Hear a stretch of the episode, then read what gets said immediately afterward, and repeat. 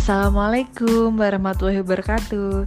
Saya Nur Lailatul Fitri, peserta Latsar CPNS Kabupaten Tulungagung Angkatan 11 Kelompok 3 Memaparkan pengalaman pembelajaran saya yang dilakukan secara asinkronus dan sinkronus pada hari ini. Pembelajaran sinkronus pada hari ini mengenai pelayanan publik, manajemen ASN, dan rule of government yang dipaparkan oleh Bu Heni selaku Widya Iswara.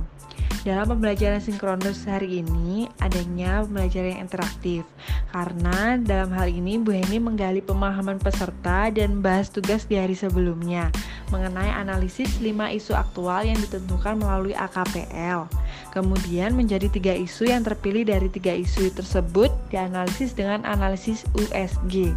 Maka terpilih isu utama yang dicari faktor penyebab munculnya isu dengan teknik fishbone. Kemudian bisa mendapatkan rekomendasi alternatif penyelesaian isu.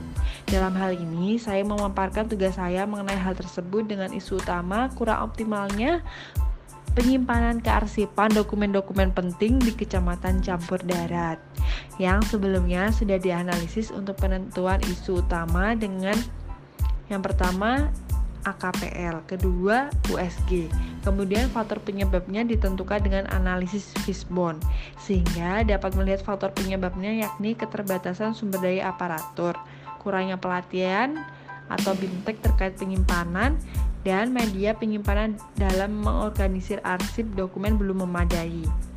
Dari hal tersebut, rekomendasi penyelesaian dengan menggunakan media penyimpanan arsip dokumen berbasis elektronik untuk optimalisasi pertanggungjawaban keberadaan arsip dokumen melalui pemanfaatan Google Drive. Pembelajaran asinkronus yang saya lakukan dengan memahami modul serta video yang menarik mengenai agenda 3 pelayanan publik di MOC. Dari hal tersebut, saya melakukan pembelajaran secara mandiri. Melihat pembelajaran asinkronus dapat dilihat keberhasilannya jika adanya motivasi dan semangat tinggi pada peserta latsar CPNS untuk belajar secara mandiri. Sekian pemaparan pengalaman pembelajaran saya dalam hal asinkronus dan sinkronus pada hari ini. Wassalamualaikum warahmatullahi wabarakatuh.